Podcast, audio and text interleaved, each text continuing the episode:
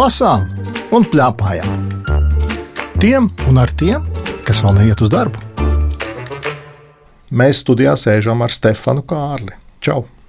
Čau! Stefanam Kārlim 12 gadi. Jā. Viņš mācās 6. C klasē. Kurā skolā neteiksim. Un mums ir uz galda priekšā divas grāmatas, un abas var teikt sarkanas. Kādu domā, kāpēc sarkanas abas grāmatas ir? Nezinu, dizains. Dizains, piekrītu, dizains. Bet es atklāšu vienu lietu, ka abas šīs grāmatas ir nu, gandrīz vai pa vienu tēmu. vai ne? Īstenībā, jā. Es lasīju, un es domāju, nu, nu, tāds diezgan līdzīgs sajūta, ka vieni un tie paši cilvēki to veido, bet izrādās, ka nē. Jā. Un tagad jau visi, kas mūsu klausās, ir ļoti saziņkāroti. Nu, interesanti, kas tā ir par tēmu. Kā, kā domā, ko viņi domā? Bet tas ir par ko? Par kokiem, par zvēriem. Un to, to, ko viņi gaida no grāmatām. Aha, Kas, katrs kas viņiem savu. par grāmatām patīk, tas gan jau viņiem prātā tagad ir. Es nezinu, ko viņi domā. Nu, jā, bet mēs izstāstīsim, kas ir mūsu grāmatās. Pirmās grāmatas nosaukums ir stāsti. Un ir izsaukuma zīme. Beigās tas ir aicinājums stāstīt. Tās autors ir Peps Bruno, un to zīmējis ir Andrejā Antinori. jā, stāsti. Kad tu saņēmi šo grāmatu, kā tev šķita, par ko tad tur būs? Es īstenībā nemelošu. Es, kad paņēmu grāmatu, es jau sāku skatīties iekšā. Es pat nepievērsu uzmanību pašām virsrakstam. Es vienkārši sāku lasīt, un es domāju, tāds, ah, kas šis ir grāmatā. Tā sākumā pirmie vārdi, ko cilvēks spēja, bet dzīvnieks nespēja ne par ko. Aha, Es reiz domāju, tāds, ah, dzīvnieku grāmata kaut kas tāds, tas viens jautājums par to. Uh -huh. Pēc tam vēlāk sāku lasīt, ne tur vairāk par stāstiem, runā vairāk un vairāk. Un tad es tāds paskatos, virsraksts stāsti. Un es izlasīšu aizmugures vākā. Kas rakstīts? Kur meklēt labu stāstu stāstīšanai? Kā to sagatavot? Kāds ir vislabākais veids, lai to iemācītos? Kuri vārdi ir vispiemērotākie, kad pienācis laiks stāstīt? Kam pievērst uzmanību stāstīšanas laikā? Nu, tā ir rīktīga instrukcija, vai ne? Ko darīt? Saki, lūdzu, vai um, stāsti vispār ir vajadzīgi? Man liekas, ka jā. Stāsti ir ā, noderīgi, ja tu, piemēram, gribi pastāstīt, kā tev iet diena. Nu, lai cilvēki uzzina, kā tev vispār iet, vai, vai tev iet grūti, vai tev iet labi, vai tev grūti vai nē. Un stāstus tu stāsti pats sev vai citiem? Es īstenībā bieži runāju pats ar sevi, bet um, arī ar cilvēkiem es runāju. Es runāju ar klases biedriem, ar draugiem un ar ģimeni. Kāpēc tu viņiem stāsti stāstus? Kā tev šķiet? Parasti tā neaizdomājos, bet nu, es vienkārši pastāstu, lai, es nezinu, lai uzmundrinātu varbūt. Mm. Ja varbūt man dienā kaut kas tāds baigais notika skolā, es parasti braucu ar vecākiem mājās, mani vada, un es, es pastāstu, kā man diena iet, pastāstīju tādus baigos notikumus, kas man bija. Gribās dalīties, vai ne? Ar Dažreiz jā, dažreiz nē. Aha, ir noslēpumi. Saki, lūdzu, vai tu vari pateikt, kādās formās stāsti ir? Nu, grāmatās. Un kādu vēl tu zini formu? Es varu sadarīt, ka tu zini. Bet mēs bieži vien nemaz to nesaucam, ka tie ir stāsti. Es neesmu kā grāmatu lasītājs, bet es dažus es esmu izlasījis. Es ir eh, stāsti par kaut kādiem piedzīvojumiem, ir stāsti, kas tev kaut ko māca, kā piemēram šī. Nu, jā, bet tas ir, tas ir grāmatā, viņi vienalga ir iesprostot, vai ne? Šie stāsti. Mm. Bet pasaki, lūdzu, tāda lieta kā YouTube filmiņas. Saki, lūdzu, tie arī stāsti. Tas ir atkarīgs no kādu video tu skaties. Nu, arī tāpat, teiksim, par stāstu stāstīšanu. Šo grāmatu varētu iesprostot kā YouTube instrukciju. Jā, man liekas, ka jā. Un varētu arī kādu, tu saki, piedzīvojumu stāstu grāmatā. YouTube jau ir tieši tas pats. -hmm. Īstenībā mēs jau šodien arī stāstām stāstus, bet mēs stāstām varbūt tādus, kas nav pierakstīti grāmatā. Ja mūsu raidījums ir lasām un plāpājam, kā tu jau teici, ka šīs ir instrukcijas. Kāda instrukcija tev šķita? O, šī man noderēs pilnīgi noteikti. Es, kad lasīju, es pie sevis laiku domāju, hmm, man nešķiet, ka es gribu pastāstīt stāstu. Man nav baigā tā ideja, par ko stāstīt. Tāpēc es vēlāk lasu. Un vispār tā, šī grāmata man iemācīja izdomāt, par ko sākt eh, stāstīt. un tā. Piemēram, Stāstnieki bieži jautā, par ko stāstīt. Atbilde par jebko. Un tu uzreiz brīvs, ah, tam man nemaz nav jāiespringst. Mm -hmm. Ko tu vēl nolasīji? Vispār tā, es šo visu grāmatu lasu, un man eh, tā grāmata it kā man stāsta. Man dažas lietas nevar izstāstīt, bet. Bet tās liek padomāt. Jā, jo šeit ir arī ļoti labi izlikts, ka katrā tajā rindkopā, kur ir kādas stāstīšanas par stāstīšanu, ir piemēram, stāstot, tu savā domās redzi notikumus, vai sāc stāstīt uzmanīgi. Un vēl ir klāta bildes. Viņš paskaidro, paskaties, tas jau ir stāsts, kas ir uzzīmēts. Mm -hmm. Vai to nevar saprast? Manuprāt, ja būtu šī pati grāmata, tikai bez bildēm vai kā tā, tie, kas lasīs, viņi domās, nu, nav baigi par ko interesēties. Nav aizraujoši. Nu, tāds lasa, stāsta pa stāstiem, bet nav kā parādīt to, nav kā iztēloties. Šī grāmata parasti, kad lasa, tu tādu paskaties apkārt un tu redzi tāds, o, nu, jā, tas ir tā var iedomāties. Mm -hmm. Jo bildes stāsta pašas par sevi. Kā domā, bilžu grāmatas ir tikai maziem bērniem vajadzīgas? Nu. Tas ir atkarīgs no tā, kāds cilvēks ir. Jā, manuprāt, bērniem vajag lielāko daļu bilžu grāmatas. Jo bērniem tad nu, nav tā iztēle, pa ko lasa viņi. Es izlasīšu vienu gabaliņu no šīs grāmatas stāsti. Viena no instrukcijām. Padomā par kādu labu stāstu, kas ar tevi ir noticis un ko tu esi stāstījis. Vai varētu būt tā, ka šim stāstam bija manis pieminētā trīsdaļīgā uzbūves schēma? Ugh! Uzbūves schēma. Izrādās, stāstiem ir uzbūves schēmas. To tu biji zinājis? Nē. Vai ne? Un šajā grāmatā mēs varam arī izlasīt, ko nozīmē uzbūves schēma. Un vēl ir stāsta karte. Man ļoti patīk par stāsta karti, ka var uzzīmēt. Var uzzīmēt karti ar pieturas punktiem, vai arī to sanumurēt pēc kārtas piemēram, vienai zināmai pasakai. Pirmais - māma lūdz sarkangalvīti, lai viņa aiznes vecmāmiņai ēdienu. Uh mhm. -huh. Otrais - māma sarkangalvītei iesaka, lai viņa nenoklīst no ceļa un nerunā ar vilku. Trešais - sarkangalvīti iet pa mežu un satiek vilku. Un tā tālāk, un iznāk vesela karte. Laikam skolā to sauc par plānu. Jā, vai ne? Atcerējumu plāns. Tā tad tu saki, ka vispār vērtīga grāmata. Vērtīgi. Man šķiet, vēl bija tīri interesants ne tikai instrukcijas, bet arī pašā beigās ir fakti par stāstiem. Es nosīšu vienu, ko es nezināju. Stāstu stāstīšana 46 stundas bez pārtraukuma. Kopš 1992. gada Gvadalaharā, Spānijā, svin stāstu maratonu, kurā tūkstošiem cilvēku stāsta un klausās stāstus 46 stundas bez pārtraukuma. Tas ir divas diennaktis. Au! Spānijā gada laikā atzīmē apmēram 50 stāstu festivālus, lielus stāstīšanas pasākumus un stāstīšanas ciklus iekavās. Arī Latvijā notiek šādi stāstīšanas pasākumi, piemēram, kā tradīcija Valmjerā, arī dažādos folkloras festivālos. Vai ir kāds stāstīšanas pasākums arī tavas dzīves vietas tūmā? Šeit ir jautājums. Nu, to tagad katrs var sev atbildēt. Mm, man liekas, ka nē. Es rajonu sev es zinu, bet es baigi nekādas tādas lietas neredzu. Mm -hmm. Bet būtu interesanti sapulcēties un stāstīt viens otram stāstus. Varbūt. Vai Varbūt. Vajadzētu piedalīties, tā varētu pateikt, vai ir interesanti vai nē. Šī ir grāmata, starp citu, kurā drīkst rakstīt. Pamanīju, pašā beigās redz, kur ir divas lapas, kur tu vari rakstīt iekšā. Un tā sākt savu rakstnieka karjeru. Mēs pajautāsim, ko tā mamma domā par šo pirmo sarkano grāmatu, stāstīja ar izsaukumu zīmi nu, tāds dubults dibens šim nosaukumam. Jo skaidrs, ka pirmais, ko es domāju, ka tieši stāsti, ka grāmatā būs stāsti konkrēti kāda rakstnieka. Un man tas tā likās, ah, forši palasīšu kaut ko jaunu šajā virzienā, bet tad izrādījās, ka tas ir par to, kā stāstīt, kā izdomāt, kā pašam pie tā nonākt.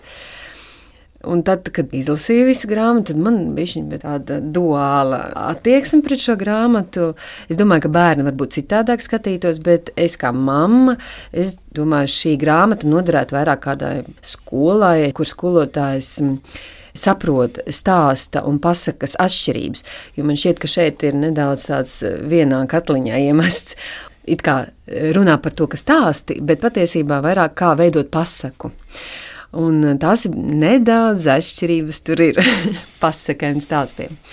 Jo vai tu iemācies vienkārši runāt un kādam kaut ko stāst par sevi, par saviem notikumiem, par kaut kādiem, par attiecībām, vēl tas ir viens, bet tad, kad ir kaut kas, ko līdz tu literāri, nu kaut ko veido, kaut ko izdomā un fantazē un iztēlojies, tad tam veidojas jau uzreiz struktūra.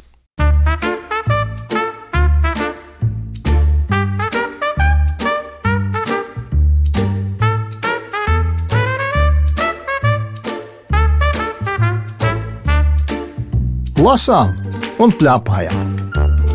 Tiem un ar tiem, kas vēl neiet uz darbu. Otra grāmata, kura mums ir ar Stefanu Kārli priekšā, tā ir vārdu vēsture. Lūk, atklājās noslēpums, kāpēc tās ir līdzīgas grāmatas. Šī grāmata gan ir divreiz biezāka, bet arī ar sarkanu vāku. Un vēl ir rakstīts tā, vārdu vēsture bērniem. Saki, lūdzu, Kā tev šķiet? Tiešām bērniem? Es nezinu, tas ir atkarīgs no kāds cilvēks, cik labi lasa vai tā. Bet es vispār, kamēr lasīju, man bija grūti tā iegaumēt galvā, ka ko, kas. Tā kā patiesībā ne bērniem, bet visiem. Man šķiet, ka pieaugušie te varētu šo to palasīt. Un arī tas nebūtu varbūt nemaz tik vienkārši, bet izlasīšu, kas uz aizmugures vāka rakstīts. Kopš seniem laikiem cilvēki izgudrojuši neskaitāmus veidus, kā sazināties ar vārdiem. Hieroglifi un haiku, zīmju valoda un Šekspīra soneti. Jebkura valoda ir būtiska, lai apmainītos ar idejām. Šajā grāmatā sastapsim cilvēkus no visas pasaules, kuriem slavu atnesusi prasme, domas ietērpt vārdos. Un uzzināsim, kā ar valodas palīdzību varam padarīt pasauli labāku. Lūk, par ko ir šī grāmata. Zini, ko es tev gribēju pajautāt iepriekšējās grāmatas sakarā? Man gribējās pastrīdēties. Iepriekšējā grāmatā, kur ir par stāstiem, sākās grāmata tā. Ko spēj cilvēks? Tas ir jautājums. Ko spēj cilvēks, bet dzīvnieks nespēja ne par ko?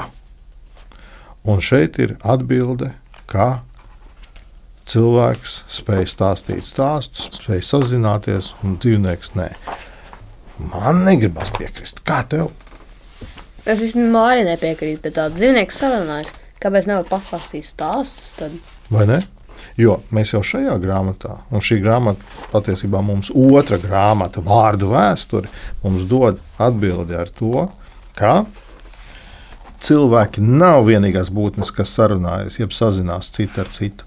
Taču mēs esam īpaši. Dzīvnieki sazinās pārsteidzošos veidos, tomēr negluži tā kā cilvēki. Zilie vaļi ar pulsējošām un vaidošām skaņām uzrunā sugas brāļus tūkstošiem jūdžu tālu okeānā. Bet tepat pagalmā mana gudrā vistiņa klukste kādu dienu parādījās pie virtuves loga un sacēla trauksmainu kņādu. Viņa gribēja pavēstīt, ka vistu kūts durvis palikušas vaļā, un viņas draudzene tagad klīst par tārsu. Es pilnīgi noteikti domāju, ka dzīvnieki sazinās varbūt pat labāk par mums. Kā mēs to varam zināt? Mēs nevaram, ja vien mums nav augstās tehnoloģijas. Nu, bet augstās tehnoloģijas jau arī nepateiks priekšā. Kā viņi sazinās? Es nevaru iedomāties. Tāpēc, vai mēs esam īpaši? Nu, nezinu. Par šo ir vērts domāt, lasot šīs grāmatas. Nolasīs kādu gabaliņu no šīs grāmatas, lai visi dzird, kā šī grāmata skan. Kad es lasīju šo grāmatu, es biju atradis vienu pārsteidzošu daļu. Tas ir par vienu cilvēku. Es izlasīju šo fragment. Cilvēkam ir piecas maņas - redze, dzirde, tausta, garša sajūta un noža. Saziņā visbiežāk tiek lietotas dažādas to kombinācijas, taču visas tās mums nav nepieciešamas. Helēna Kellere 1880. līdz 1968. Piedzima Alabamas štatā, Amerikā, un pēc smagas slimības bērnībā kļuva akla un kurla. Tomēr viņa iemācījās sazināties, liekot lietā tausti un uz rokas plaukstas sākumā zīmēja, vēlāk jau rakstīja vārdus. Runāt Helena iemācījās ar pirkstiem, pieskaroties citu runātāju lūpām, viņa apguva arī braila rakstu. 19. gadsimtā 20.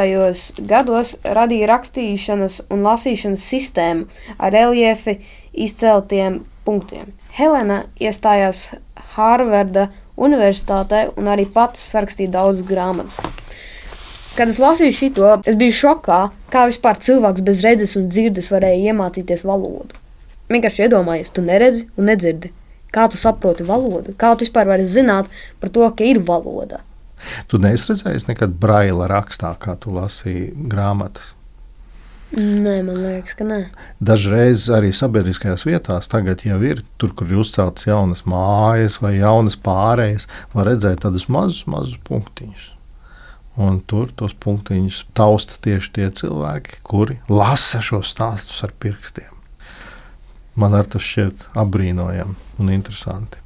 Nu, jā, es nepievērsu uzmanību. Es tikai mm. padomāju, un tagad varu pat iedomāties. Saki, kas vēl šajā grāmatā radīja tādu uh! Man bija vairākas vietas. Lūk, viena no tām. Esmu Viljams Šekspīrs. Rakstīju Lūgas Anglijā 16. un 17. gadsimtā. Izgudroju simtiem vārdu, kas pēc tam kļuva par daļu no angļu valodas. Arī vārdu gossip, jeb tankas, lonely, vientuļš un zanī, āksts. Par vārdu izdomāšanu. Kā tu domā, šodien varētu vēl izdomāt vārdus? Nē, jo manuprāt, katrai lietai, ko mēs šajā brīdī redzam vai sajūtam, ir jau vārds tam. Bet nāk jau dažādas jaunas lietas klāt. Agrāk, piemēram, datora nebija. Mums bija kaut kas jādara, lai nosauktu. Un tā radās vārds dators. Mūsu zinājums Rainis ir ļoti daudz izdomājis vārdus, kas ir iegājuši latviešu valodā. Kā saka Stefans Kālis, mēs jau zinām. Mēs tikai nezinām, ka to Rainis ir izdomājis. Vai tu pamanīji tādas nodaļas kā stiprie vārdi un slepenie vārdi? Jā, es pamanīju. Kas tavuprāt ir stiprie vārdi? Es tā pats domāju, stiprie vārdi, tādi, kas aizskar. Jā, droši vien. Var arī iedvesmot, var? Man liekas, ka jā. Var arī protestēt pret kaut ko. Redz, te jau ir arī sazīmēts arī kā cilvēki ir demonstrācijās. Un visinteresantākais, kas stipros vārdus padara par stipriem šodien, tas ir mirkļu birkas internetā. Tās jau mēs ik viens esam pamanījuši. Tur radās stiprie vārdi. Ir dzīskie vārdi. Kur tu esi dzīskos vārdus dzirdējis mūsdienās? Dzīskos. Jā. Bet ir viens tāds mūzikas žanrs, kurā ļoti izmanto dzīskos vārdus. Reps, es tev teiktu. Mm. Vai ne? Pilnīgi piemērs. Un tur ir taču gan stiprie, gan dzīskie vārdi. Un šī grāmata mums tiešām ļauj daudz par ko padomāt. Zinu, ko es varu laikam teikt šīs grāmatas autoriem, izdevējiem vairāk. Gribētos viņam pielikumu, kur arī par latviešu valodu, jo šī grāmata ir tulkota. Tas autori ir Mērija Richardsa un zīmējumus, kas ir visai interesanti, ir zīmējusi Roza Bleika bet būtu ļoti forši bijis. Beigās būtu arī pielikums, kā latviešu valodā izpaužās. Es lasu mammai pajautās, ko viņa saka. Lieliska grāmata, ir skaidra doma par ko tiešām par šo vārdu, un nekas liekas. Un bija ļoti daudz interesantu jaunu atklājumu. Ar Stefanu Kārli runājās Lauris Gundars, raidījuma redaktori Agita Bērziņa, skaņu režisori Valdis Raitums un Nora Mitspapa. Raidījumu vēlreiz klausies Latvijas radio lietotnē, mājaslapā un arhīvā. Klausamies un tiekamies!